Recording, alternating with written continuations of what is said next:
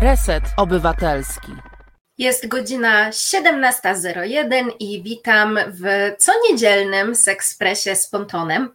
E, dzisiaj mamy e, taki temat, który może z pozoru wydaje się zupełnie niezwiązany ani z Ekspresem, ani z Pontonem, e, ani w ogóle z czymkolwiek na dobry początek sensownym, a mianowicie zacznę od Britney Spears i od jej e, sprawy, która ostatnio, nazwijmy to, nabrała trochę tempa. I zostańcie ze mną, ponieważ poruszę kilka tematów, e, które może z pozoru są od siebie dalekie, ale uwierzcie mi, one się ze sobą łączą. Dlatego, że chciałabym dzisiaj powiedzieć właśnie o sprawie Britney Spears, za sprawą e, szczególnie jednego zdania, które padło niedawno w czasie, kiedy zeznawała na rozprawie 23, e, 23 e, czerwca. Chciałabym potem przejść w ogóle do kwestii związanej z antykoncepcją i z przymusem antykoncepcji.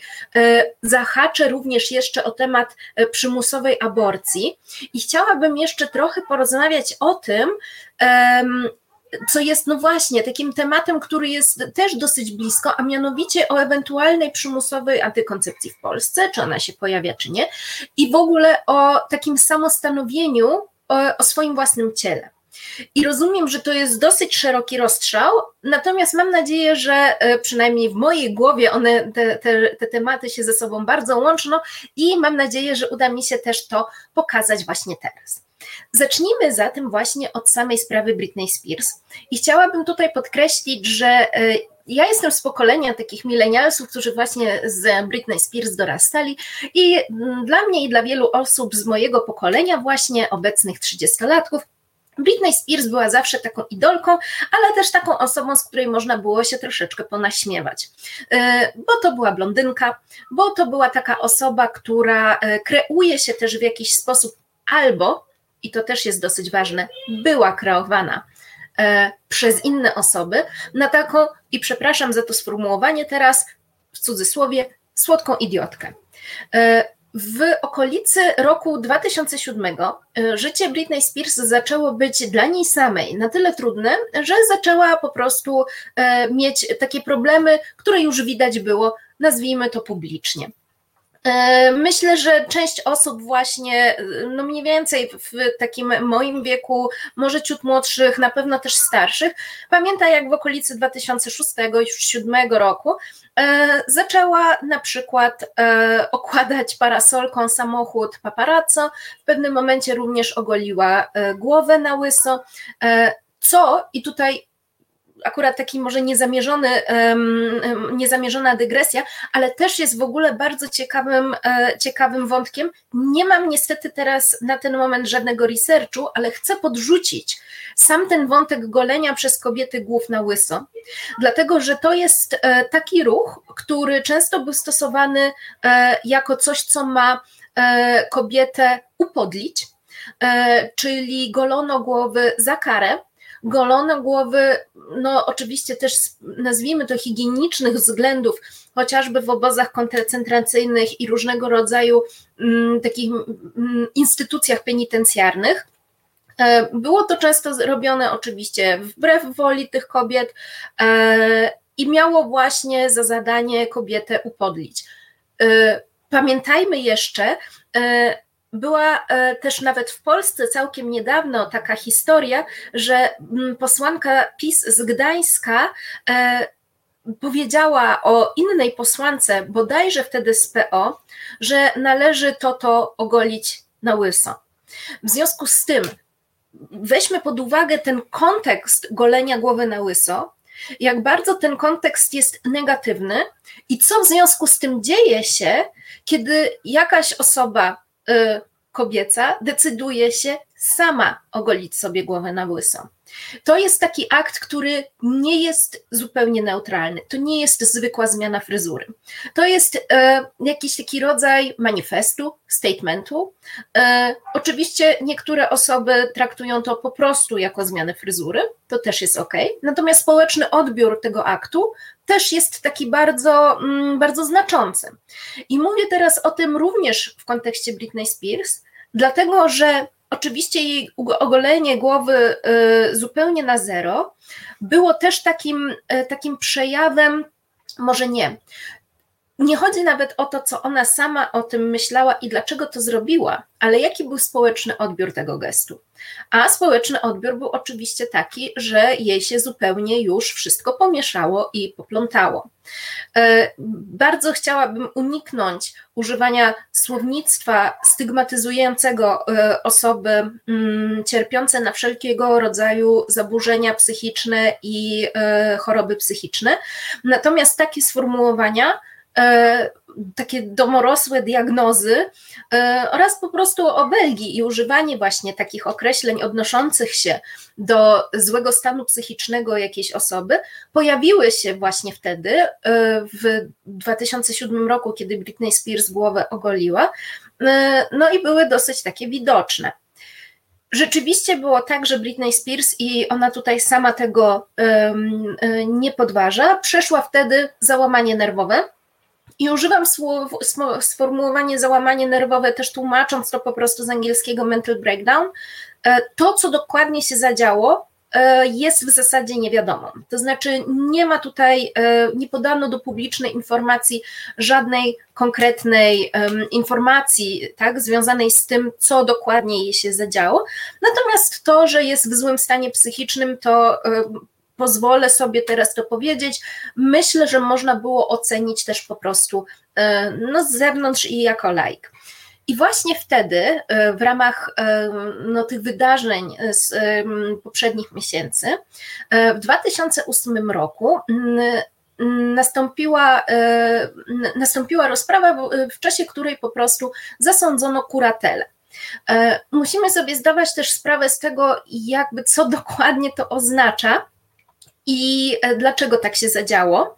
E, myślę, że dlaczego to już wiadomo, natomiast chodziło też o to, e, żeby nie tylko wspierać ją w jej powrocie do zdrowia, ale też, żeby ją chronić oraz również jej majątek, który obecnie jest wyceniony na, wyceniany na bodajże 60 milionów dolarów. Jest to więc całkiem pokaźna suma.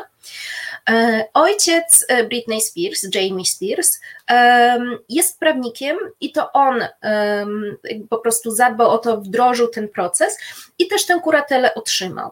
Ważne jest jeszcze, aby wiedzieć, co to dokładnie, znaczy jakie, jakie są prawne mm, implikacje, ale też e, jaka jest cała procedura. Natomiast jest ona dosyć skomplikowana i nie chcę się w nią teraz e, jakoś szczególnie wgłębiać, zwłaszcza, że jest to no, po prostu proces, procedura e, i stan prawny po prostu trochę inny od tego, co mamy tu w Polsce. Natomiast warto byłoby po prostu również powiedzieć chwilę o tym, co to oznacza dla samej Britney Spears, a mianowicie to, że nie jest ona teraz e, i nie jest w stanie od 2008 roku podjąć e, tak naprawdę żadnej prawnej decyzji na temat siebie, na temat swojego ciała, no właśnie, chodzi tutaj nie tylko o takie prawne decyzje, jak na przykład podpisanie jakiegoś kontraktu, ale chodzi tutaj też również o decyzje związane na przykład z jej pracą, z miejscem przebywania, z tym, co się dzieje z jej ciałem, e, z tym, co się dzieje e, z jej pieniędzmi, to znaczy sposób, w jaki ona te pieniądze wydaje, jak pracuje, co robi i tak dalej. Jest to dosyć ciekawe też i proszę też jakby zastanowić się nad tym, jeżeli myślicie, no tak, no przecież jest po prostu, ma teraz akurat jakąś, jakieś psychiczne problemy, no to przychodzi ojciec, ustanawia kuratelę, ustanawia kuratelę i przekazuje przekazuje ją ojcu, e, no to w czym problem? Przecież to jest dla jej dobra. Co ciekawe, Britney Spears sama temu nie zaprzecza. To znaczy, odnosząc się do wydarzeń e, z 2008 roku, ona sama twierdzi, że dobrze się zadziało. To, co natomiast dzieje się teraz i co wychodzi na światło dzienne, to jest też coś, co narastało. I w tym kontekście chciałabym wspomnieć najpierw o ruchu Free Britney, który też na początek naprawdę był e, po prostu przedstawiany przez media jako no, jakaś grupa fanów, oszołomów, którzy po prostu uważają, że jej się dzieje krzywda, natomiast nie mieli też szczególnie żadnych takich, mm, takich no, źródeł, nie mieli jakby żadnych dowodów na to, że coś się może jej źle dziać, zwłaszcza, że od 2008 roku Britney Spears dalej występowała. Wydawała płyty, e, miała koncerty, e, była widoczna w mediach, wobec czego to też oczywiście jakby trochę mm, znaczy sprawia, że ten ruch Free Britney, e, często też reprezentowany z hashtagiem, był po prostu mm, taki, no, taki lekceważony. Natomiast ostatnio rzeczywiście sprawa trochę ruszyła. Po pierwsze, 5 5 lutego tego roku e, pojawił się film, taki dokument New York Timesa e, Framing Britney Spears. I zrobił on rzeczywiście dosyć takie duże wrażenie. Pojawiło się tam sporo wątków dotyczących właśnie tego, w jaki sposób przebiega jej kuratela, co się dzieje w, e, jakby razem, po prostu z nią w czasie, tej, e, w czasie tej kurateli. Jeszcze wcześniej, 16 e, kwietnia 2019 roku, pojawił się podcast, odcinek podcastu Britney's Gram, gdzie też pojawiły się wątki właśnie związane z tym, jakie jest samopoczucie Britney Spears w czasie jej kurateli, e, łącznie po prostu z fragmentem nagrania, gdzie ona sama mówi, e, że nie czuje się w porządku, że wcale nie jest jej dobrze. To, co teraz tak, tak naprawdę jest właśnie tym, tym, tym, jakby tym głównym punktem zapalnym, to jest rozprawa sprzed kilku dni, w czasie której e, no po prostu na jaw wyszło e, trochę więcej szczegółów dotyczących tego, w jaki sposób ta kuratela obecnie przebiega. No i to, co wyszło, Britney Spears miała taki, takie 23-minutowe połączenie po prostu z nieznanej lokacji, połączyła się z sędzią i po prostu opowiadała na temat tego, w jaki sposób ta kuratela wygląda. To, co jest istotne, to jest to, że jest sprawowana nad nią kuratela nie tylko jeżeli chodzi o jej finanse, i to jest zresztą taki fragment, czy taki obszar tej kurateli, z którego ona mm, nie chce zrezygnować, chociaż nie chce, żeby ojciec ją dalej sprawował. Jest tak, że tę kuratelę mogą sprawować albo inni ludzie, na przykład prawnicy w imieniu albo instytucje. Więc tutaj też chodzi po prostu o wybór instytucji lub osoby, która będzie to robiła.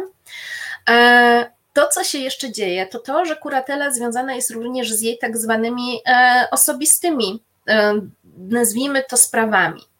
E, chodzi tutaj o, i wyszczególnimy, e, decyzje związane z leczeniem, decyzje związane z biznesem, czyli z wszelkimi kontraktami, tym, co jest związane z jej pracą. Decyzja dotycząca ewentualnego ślubu decyzje dotyczące kto ją odwiedza. E, decyzje dotyczące tego, kiedy, gdzie i jak może spotykać się ze swoimi synami. Tu warto wspomnieć jeszcze, że Britney Spears ma dwóch nastoletnich, dwóch nastoletnich synów. 14 bodajże i 15 lat e, i pełną e, opiekę sprawuje były mąż Britney Spears nad tymi dziećmi. To, co jeszcze warto byłoby zaznaczyć, to i tutaj przechodzimy jakby do tego klucz, gwoździa niestety programu, a mianowicie pewne zdanie, które padło w czasie tego, e, w czasie tej, w czasie tej rozprawy, a mianowicie, e, że Britney nie jest w stanie sama podjąć decyzji na temat tego, czy e, może wziąć ślub a spotyka się już od um, kilku lat z człowiekiem i jak rozumiem, nawet jeżeli teraz nie chce takiej decyzji podjąć, to być może chciałaby ją podjąć w przyszłości.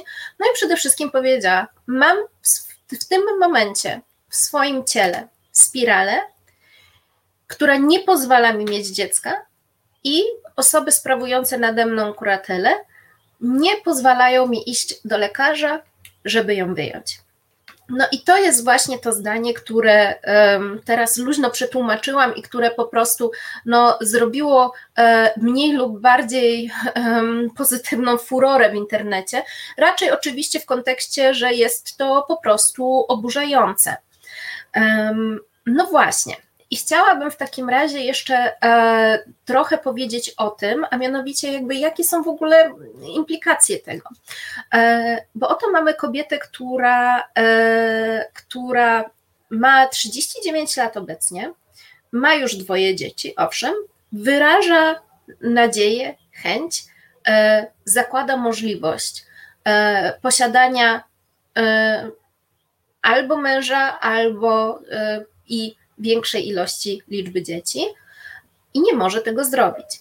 I rzeczywiście to, plus jeszcze takie wspomnienie, że e, co przyznałam mm, albo teraz w tym przesłuchaniu, albo w jeszcze wcześniejszym, że e, była też po prostu e, faszerowana lekami po to, żeby móc występować, że występowała, że występowała z 40-stopniową gorączką, że e, podawano jej węglanlitu, e, że e, nie mogła tak naprawdę odmówić też tych występów, no to sprawia, że widzimy, że ta kuratela, którą często wiele osób po prostu uznawało za coś, co ma po prostu uratować ją przed ewentualnymi manipulacjami i przed ewentualnym wydawaniem pieniędzy w jakiś taki nieodpowiedzialny sposób, chociaż swoją drogą też warto się zastanowić, czy mamy moralne prawo, żeby zabraniać komuś spędza, y, przepraszam, wydawać pieniądze w nieodpowiedzialny sposób. Wydaje się, że dużo ludzi to robi, natomiast nie chcę tutaj stawać po jakiejkolwiek stronie i tego rozstrzygać. E, no właśnie, okazuje się, że oprócz tego mamy też po prostu e, pełną kontrolę nad jej ciałem. We wcześniejszych we wcześniejszych, nawet nie tyle wywiadach, ile właśnie też informacjach, które się przedostały po prostu do e, przestrzeni publicznej, e, Britney Spears również powiedziała, że tak, że chciałaby móc e, wyjść za mąż, że chciałaby móc mieć jeszcze dzieci, że chciałaby, i tutaj znowu coś takiego, co powinno wydać się szokujące, chciałaby mieć zrobione paznokcie i włosy i żeby terapeuta raczej przychodził do niej, a niekoniecznie ona do niego. Czyli chodzi, i często jeszcze, przepraszam, jeszcze dodam, mówiła, że chciałaby po prostu móc na przykład pojechać dokądś autem ze swoim chłopakiem, żeby jej chłopak mógł ją gdzieś dokądś zawieźć. I to po prostu, to pokazuje, że ta kuratela, która jest nad nią sprawowana, jest, jest całkowita jest w zasadzie całkowita. E, dotychczas Britney Spears milczała, teraz się odezwała, przeprosiła też e, swoich e, fanów i fanki za to, że udawała, że do tej pory jest wszystko w porządku. Co też jest jakby ciekawe, bo to znaczy, że ona w jakiś sposób czuje się po prostu też winna temu, że mm, nazwijmy to grała w tę grę. E, tymczasem fani i fanki Britney Spears jakoś nieszczególnie chyba się czują urażeni tą sytuacją e, i raczej okazują jej pełne zrozumienie, z którego zresztą Britney Spears się cieszy i o czym też mówiła, że po prostu ta, ten cały ruch Free Britney e, po prostu ją, ją pociesza, tak, i że też, też dostrzega to.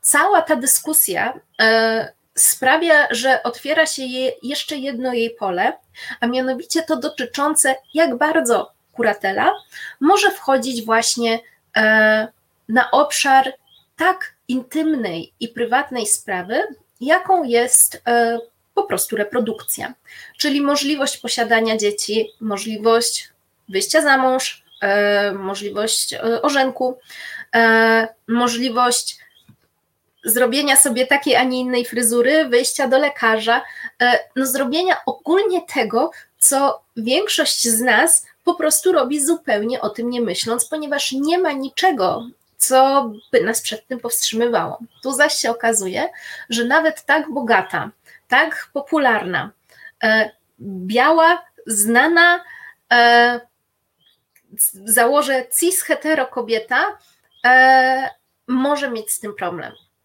Okazuje się też, że cały ten proces związany z kuratelą w Stanach Zjednoczonych, tu w tym przypadku, o ile się nie mylę, e, w Kalifornii, też jest, e, no właśnie, po prostu nazwijmy to ułomny. To znaczy sam ten proces i sama ta, e, samo to zjawisko kurateli i to, w jaki sposób to prawo funkcjonuje, pozwala z jednej strony oczywiście chronić osoby podatne na manipulacje przed manipulacją, z drugiej strony pozwala po prostu te osoby wykorzystywać, które kurateli są poddane. I zdaje się, że właśnie to jest też przypadek Britney Spears. E, chciałabym za chwilę powiedzieć o tym, e, czy były podobne sytuacje w Polsce, i chciałabym właśnie powiedzieć jeszcze trochę e, już trochę odchodząc właśnie od samego tematu Britney Spears, na temat tego, w jaki sposób ten ruch cały wokół niej wyzwala podobne dyskusje i po prostu jakie są też podobne, e, podobne mm, procedury, zjawiska i sprawy, które dzieją się również u nas. E, zapraszam teraz na chwilkę muzycznej przerwy, a potem wracamy do tematu. Słuchasz Resetu Obywatelskiego. Znudzeni mainstreamowymi newsami? Czas na Reset Obywatelski. Zaangażowane dziennikarstwo. I wracamy do sprawy, odchodząc już teraz trochę od tematu mm, samej kurateli Britney Spears, natomiast biorąc e, to zdanie, które padło właśnie w czasie jej rozprawy na temat tego, że ma w sobie spiralę, e, której e, doktorzy nie wyjmują jej na jej prośbę, dlatego że nie ma ona w obecnym momencie prawa decydowania o sobie, od tego zdania wyjdźmy i przyjrzyjmy się sytuacji w Polsce. I zresztą nie tylko, dlatego że właśnie to takie sprawowanie kontroli nad mm, głównie kobiecym ciałem jest oczywiście dosyć powszechne i przypuszczam, że osoby słuchające tego radia sobie oczywiście doskonale z tego zdają sprawę e, i też, że w takim kontekście warto jest interpretować po prostu ostatnie wydarzenia, e, chociażby te właśnie z naszego kraju, mam tutaj na myśli wyrok Trybunału Konstytucyjnego, ale także inne prawne e, fikołki, które e, albo są pomysłami, albo stają się prawem. Zacznę od tego, że mamy, e, to jest w ogóle dosyć ciekawa sprawa, związana z tym, że z jednej strony mamy taką, mm, taką nagonkę i na aborcję, i na antykoncepcję, i traktuję teraz tutaj te, dwie, e, te dwa zjawiska dosyć równoważnie, dlatego że chodzi mi po prostu o e, środki, które są, służą kontroli urodzeń i służą kontroli nad swoim ciałem.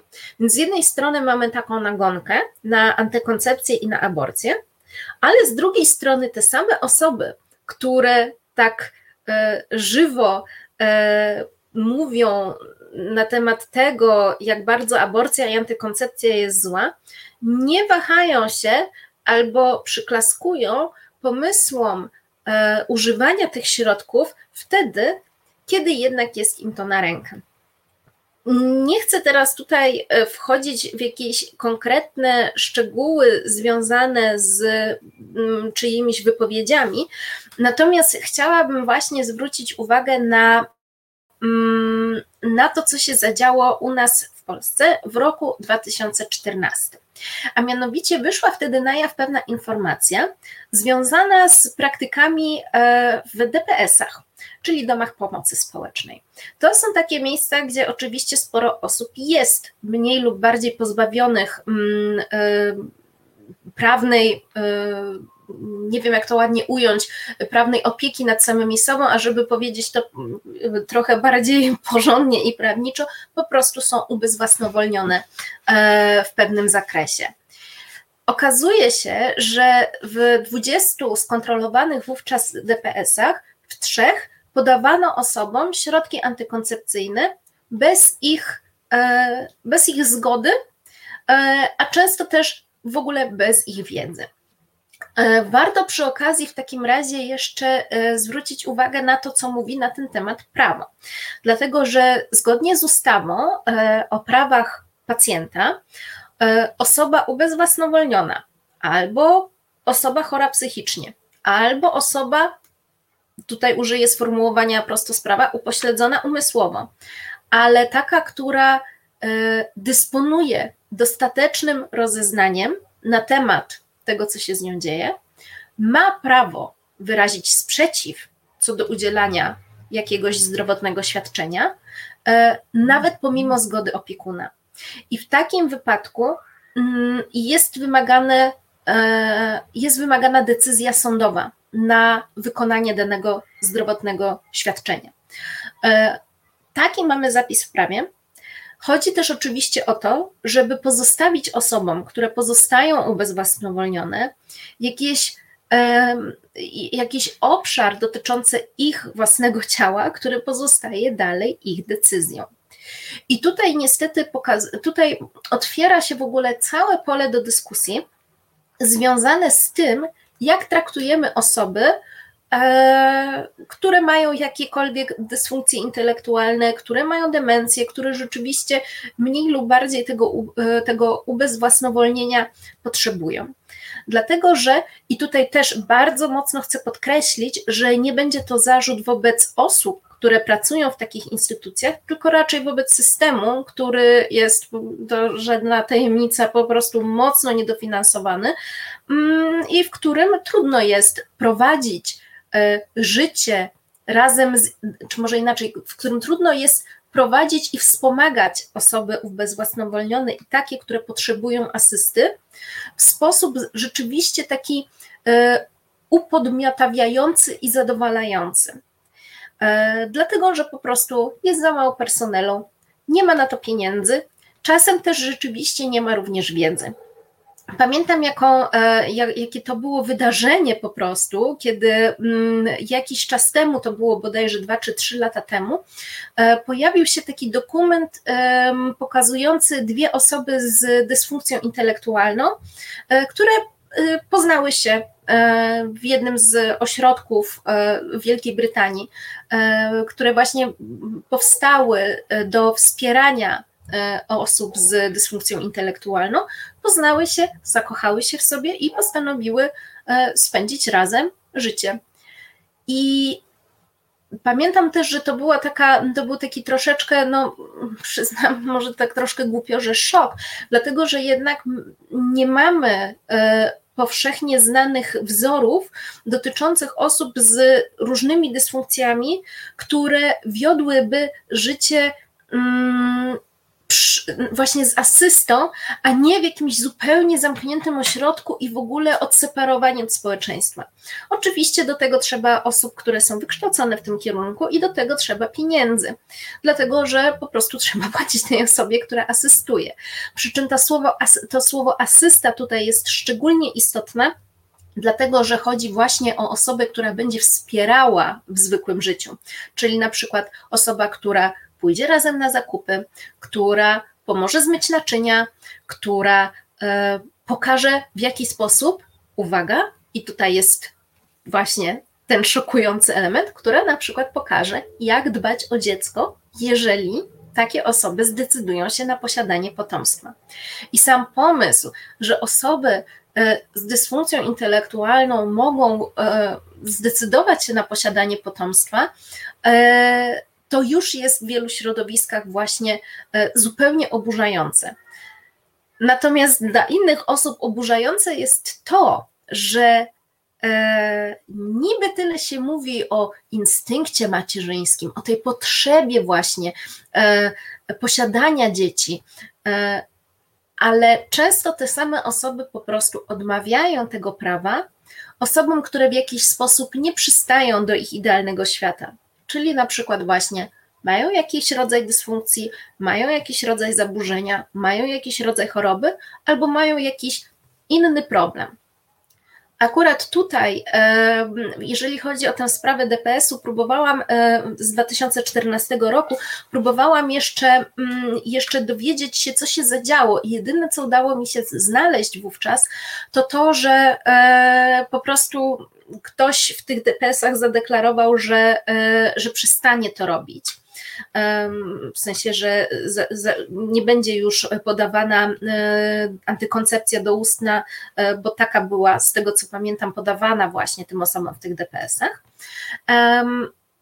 Warto jeszcze spojrzeć na e, odpowiedź na odpowiedź Rzecznika Praw Obywatelskich e, z 5 maja 2015 roku, który właśnie o tym mówi. To znaczy, to była odpowiedź e, do wojewody mazowieckiego dotycząca właśnie tych wydarzeń e, z DPS-u, gdzie no właśnie, gdzie podkreśla również Rzecznik Praw Obywatelskich, że ta sfera intymna, związana między innymi z reprodukcją, ale nie tylko, bo nie oszukujmy się, chodzi nie tylko o reprodukcję, ale też po prostu o e, przeżywanie seksualności osób z niepełnosprawnościami i z dysfunkcjami, jest po prostu czymś, co należy wspierać, a nie czymś, co należy po prostu kasować, e, wyrugiwać, zapominać o tym i e, sprawiać, żeby w ogóle do tego nie dochodziło. Na tym samym, jakby może inaczej, w, w, tym samym kontekście warto jeszcze się przyjrzeć takiemu pomysłowi ustawy, który się pojawił, o ile się nie mylę, dwa czy trzy lata temu w Holandii. A mianowicie tam e, wspiera się osoby w trudnej sytuacji, na przykład uzależnione od narkotyków, albo takie, które według ich niego ich instytucji um, takich pomocowych nie radzą sobie z życiem codziennych, z, z życiem codziennym. E, te osoby mogą tam przyjmować antykoncepcję, są do tego zachęcane. Natomiast statystyki pokazują, że 30% z tych osób, e, które e, no właśnie według e, instytucji pomocowych powinny przyjmować antykoncepcję, tego nie robią. W związku z czym um, tamtejsza partia, um, przepraszam, tutaj teraz się pomyliłam, um, projekt e, powstał z pomocą jednej z posłanek e, WDD, która właśnie, partii WDD, która właśnie mówiła o tym, dlaczego należy to zrobić, co zmusić po prostu te osoby, które podlegają pomo e, instytucjom pomocowym, czasowo podawać im antykoncepcję. W tym wypadku chodziło, chodziło o zastrzyki albo o implanty, e, po to, żeby po prostu na jakiś czas je zupełnie e, ubezpłodnić. Mm, no i oczywiście ten pomysł był też taki dosyć, taki dosyć szokujący, e, zwłaszcza, że no właśnie, musimy tutaj zważyć dwie rzeczy, bo z jednej strony mówimy tutaj o prawie osób do po prostu rozmnażania się, a z drugiej strony mówimy o prawie dzieci do szczęśliwego życia. I rzeczywiście to była właśnie, jakby to była ta, mm, ta podstawowa, mm, ten podstawowy argument osób, które tę e, ustawę zaproponowały i które przygotowały ten projekt. A mianowicie chodziło o to, żeby nie skazywać ewentualnych dzieci na życie w niedostatku. Chodziło o to, żeby po prostu zapobiegać e, przemocy wobec dzieci. To był podstawowy argument. I rzeczywiście jest tak, że na ten argument trudno było znaleźć jakąś sensowną odpowiedź. To znaczy, osoby, które e, mówiły, czy może inaczej, osoby, które opowiadały się przeciwko tej ustawie, bardzo mocno wskazywały właśnie na tę możliwość samostanowienia E, osób, które tutaj stawały jakby pod groźbą przyjmowania e, antykoncepcji pod przymusem. Mówiły o ich e, zdrowiu, o ich prawie do decydowania o sobie. Natomiast rzeczywiście trudno było znaleźć jakiekolwiek odniesienia do, e, do e, tego argumentu związanego z tym, że w ten sposób po prostu pojawia się więcej dzieci, które będą wychowywane w nieodpowiednich warunkach, które będą e, po prostu cierpiały czy to z powodu braku rodzicielskiej miłości, czy to z powodu niedostatku właśnie pieniędzy i tak dalej. I oczywiście również ewentualnej przemocy. Ta dyskusja wydaje mi się, że nadal trwa. Nie ma tutaj oczywiście jakiejś jednej prostej odpowiedzi. Poza tym może, że tak przynajmniej i to już jest, to już jest moja opinia, e, zawsze mam takie poczucie, że po prostu w takich momentach nie do końca myśli się o tym, czy zostały rzeczywiście wyczerpane wszystkie możliwe środki związane z oferowaniem pomocy osobom, które właśnie chcą zdecydować się na ten krok, czyli posiadania potomstwa. Oczywiście tutaj też nie jestem osobą, która, e, która będzie to rozstrzygać, natomiast wydaje mi się, że w takim kraju, jakim jest Polska, gdzie instytucje pomocowe są po prostu bardzo mocno niedofinansowanie, niedofinansowane, e, taka dyskusja nie do końca miałaby sens, dlatego że nie zostałyby wyczerpane wszystkie inne możliwości, które nie naruszałyby integralności cielesnej osób, których ewentualna przymusowa antykoncepcja, również przymusowa sterylizacja miałaby dotyczyć. I chciałabym teraz y, przejść do takiego trzeciego tematu, który jest mocno związany właśnie z tym, co zostało powiedziane dotychczas, a mianowicie jest związany właśnie z tym pojęciem przymusu. Dlatego, że dotychczas mówiliśmy właśnie o sprawie Britney Spears, która e, no, została przymuszona do stosowania antykoncepcji, której nie jest w stanie sama się pozbyć i w związku z tym nie jest w stanie też sama decydować o swoim ewentualnym macierzyństwie. E, sprawa antykoncepcji podobna. E, w DPS-ach, a także właśnie ta sprawa w Holandii, gdzie mm, dotyczy to również osób, nazwy to teraz dosyć szeroko, mm, nieuprzywilejowanych albo pozostających w jakichś kryzysach. No właśnie. No i teraz mamy jeszcze trzecią rzecz, a mianowicie osoby, które teoretycznie mogłyby samostanowić o sobie w taki sposób, który e, nie budzi być może tak tak mocnych i silnych wątpliwości, jak chociażby osoby pozostające ubezwłasnowolnione i zamieszkujące w DPS-ach. Mam tutaj na myśli dwie grupy. Chodzi mi po pierwsze o osoby, które chcą wysterylizować się na swoje własne życzenie w Polsce oraz o nastolatków. I już mówię, jaka tutaj jest analogia i jaka w ogóle jest sytuacja. Nie chcę przy okazji w ogóle wchodzić na temat aborcji, bo wydaje mi się, że był już on na tyle wałkowany niedawno, że jakby tutaj to jest naprawdę już e, taki temat w moim przynajmniej odczuciu i myślę, że też w odczuciu wielu osób słuchających tego, tego nagrania e, dosyć oczywiste. Ale wróćmy jeszcze w takim razie na chwilę do sterylizacji oraz do nastolatków. Otóż sytuacja w Polsce wygląda tak, że mamy w prawie zapis mówiący o tym, że osoba, która pozbawi świadomie innej osoby płodności i możliwości posiadania dzieci, e, podlega karze.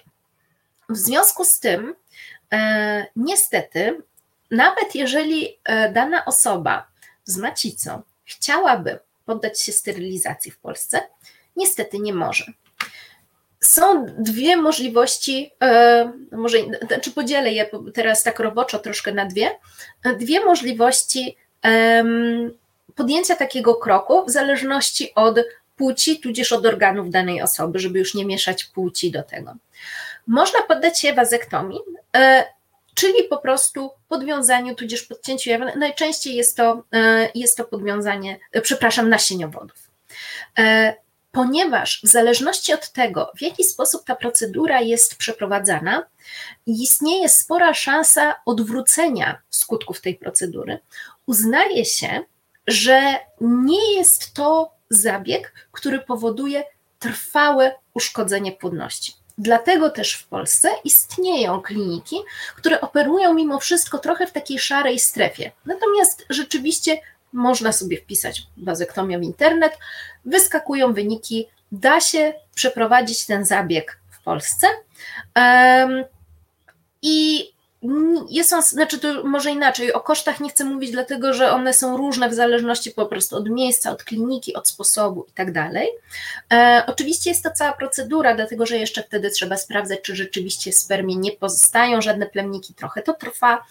E, natomiast e, tak mówi się, że ponieważ e, bodajże, teraz też nie chcę zmyśleć, ale w jakimś procencie ludzie, znaczy jest możliwe po prostu, e, jest możliwe odwrócenie tej procedury, to e, bodajże w 30% płodność może wrócić, w związku z tym nie jest to trwałe uszkodzenie. Jeżeli chodzi zaś o osoby, które mają tak zwane żeńskie narządy rozrodcze, sprawa się komplikuje, dlatego że sposób, który, mm, w którym można dokonać sterylizacji e, na osobach, na osobach, które posiadają macicę, jajowody, jajniki, polega na podwiązaniu, ale raczej przecięciu jajowodów. I ta procedura jest nieodwracalna. W związku z tym w polskim prawie podlega ona właśnie pod ten paragraf mówiący o trwałym uszkodzeniu płodności. No i to jest oczywiście kłopot, dlatego że jest to procedura e, mało inwazyjna, oczywiście trwała, e, bardzo taka, taka bezpieczna, ale również oczywiście bardzo skuteczna. Tak? E, niestety w Polsce jest ona w zasadzie niedostępna. No i tutaj właśnie znowu wchodzi ta kwestia prawa do samostanowienia o sobie, bo oto mamy po prostu najczęściej kobietę, która nie chce mieć dzieci, wie o tym na pewno, e, podejmuje taką decyzję i niestety nie może w Polsce legalnie i prawnie e, doprosić się takiego zabiegu, e, który by sprawił, że nie miałaby więcej dzieci, jeżeli sobie tego nie życzy a jednocześnie zdarzają się przypadki, i tutaj zestawiam to świadomie i mocno, przymusowej sterylizacji. E, I wydaje mi się, że chyba najbardziej taką, taką poruszającą sprawą była sprawa, sprawa sprzed kilku lat pewnej kobiety, która już urodziła e, bodajże dziewięcioro dzieci, e, której ciąża była trudna, patologiczna, zagrożona natomiast której po prostu, e, jeżeli nie mylę się, e, wycięto macicę, czyli poddano ją histerektomii, e, w ogóle nie informując jej o tym i po prostu zrobiono to właśnie w czasie, w czasie porodu. No właśnie, no i tam jeszcze oczywiście mm, to była osoba o takim ujmę to może mało elegancko, niższym kapitale społeczno-kulturowym, więc po prostu chodziło też o taką możliwość dokonania pewnej medycznej procedury na osobie, która jest mniej uprzywilejowana, która prawdopodobnie nie pójdzie z tym do mediów, nie będzie wiedziała w jaki sposób um, chociażby napisać pozew, napisać skargę. Um, i tak dalej, czy po prostu skorzystać tak, z jakichś prawnych rozwiązań, które pozwoliłyby jej chociażby sądzić się właśnie, e, właśnie w tej sprawie. W związku z tym e, mamy tutaj takie, takie dwie strony tak naprawdę e, jednej monety. Czyli mamy z jednej strony przymusową sterylizację, mamy z drugiej strony niemożność sterylizacji wtedy, kiedy akurat mamy osobę, która po prostu tego chce. A jaki ma to związek jeszcze z nastolatkami? E, ten związek jest troszeczkę dalszy. Natomiast wydaje mi się, że jest to coś, o czym na pewno warto jeszcze wspomnieć przy okazji tego, e, o czym mowa jest teraz. Prawo wygląda w Polsce tak, że od 15 roku życia można uprawiać seks. To jest taka, taka robocza definicja, Oczywiście chodzi o to, że nie jest kara, może inaczej, jest karalne podejmowanie, podejmowanie e, aktywności seksualnych z osobami poniżej 15 roku życia. To oznacza, ponieważ oczywiście nie mamy takiego jakby zapisu, że o powyżej jakiegoś wieku możesz uprawiać seks. Nie, nie, jakby chodzi o karalność, która ma chronić młode osoby poniżej 15 roku życia przed, przed wykorzystaniem. Mówi się też o tym wiek zgody, I ustanowiono, ten wiek się też różni, jest różny w różnych krajach. W Polsce wynosi on właśnie 15 lat i założenie jest takie, że osoba, która ma 15 lat, jest w stanie wyrazić e, już w tym momencie świadomą zgodę dotyczącą e, podejmowanych e, przez siebie kontaktów seksualnych. Oczywiście musi być do tego świadoma zgoda. Tego w prawie naszym polskim nie ma. Nie chcę wchodzić natomiast w tym momencie na ten obszar związany z wykorzystaniem i z gwałtami, ale chciałabym jeszcze się zatrzymać na tym wieku 15 lat i przejść jeszcze do kwestii związanej z prawami pacjenta. Dlatego, że w Polsce e, wygląda sytuacja w ten sposób. Do 13 roku życia młoda osoba nie ma żadnego zdania e, i żadnej możliwości wyrażenia tego zdania E, na temat procedur medycznych, które mają być wykonywane na niej samej. Od 13 roku życia, jeżeli jakaś procedura medyczna, jakieś świadczenie medyczne ma być wykonane wobec młodej osoby, może ona również swoje zdanie wyrazić. Oczywiście, jakby no, takim, nazwijmy to, codziennym życiu pewnie e, rzadko się zdarza, żeby e, ten spór był dotyczący ewentualnej procedury medycznej był tak o, był, był jakby tak silny, żeby trzeba było tutaj um, angażować sąd rodzinny, ale jakby pozostańmy przy tym. Od 13 roku życia, jeżeli ma być wykonana jakaś procedura, to musi wyrazić na nią e, zgodę również ta osoba, która tej procedurze podlega. Od 16 roku życia zaś um, no właśnie, i tutaj jest ten problem, który pojawia się w zasadzie jak zwykle tylko wtedy, jeżeli mowa jest o ginekologach. A mianowicie chodzi o to, że od 16 do 18 roku życia e, nie ma jeszcze młoda osoba w pełni prawa do decydowania nadal na temat swojego, swojego, e, swojego ciała i swojego zdrowia. Do 16 roku życia można, e, znaczy chodzi o to, że ta młoda osoba może wyrazić swoje zdanie, które nie musi być koniecznie brane pod uwagę. Po 16 roku życia musi być, ale to zdanie musi być również wyrażone i musi być wyrażona zgoda przez opiekuna prawnego. Jaka to e, jest sytuacja? Ano taka, że osoba, która ma 15 lat, i zgodnie z prawem jest już w wieku zgody, może uprawiać seks, e, nie może sama pójść do lekarza ginekologa i dostać antykoncepcji. Natomiast jeżeli skończy 16 lat, ale nie skończy jeszcze 18 lat, musi się do ginekologa udać y, z opiekunem prawnym. Tutaj samo to użyłam teraz słowa udać się, chociaż tutaj poprawię się, nie jest to do końca precyzyjne, dlatego że musi zostać udzielona po prostu zgoda e, opiekuna prawnego na daną procedurę medyczną, na dane świadczenie medyczne.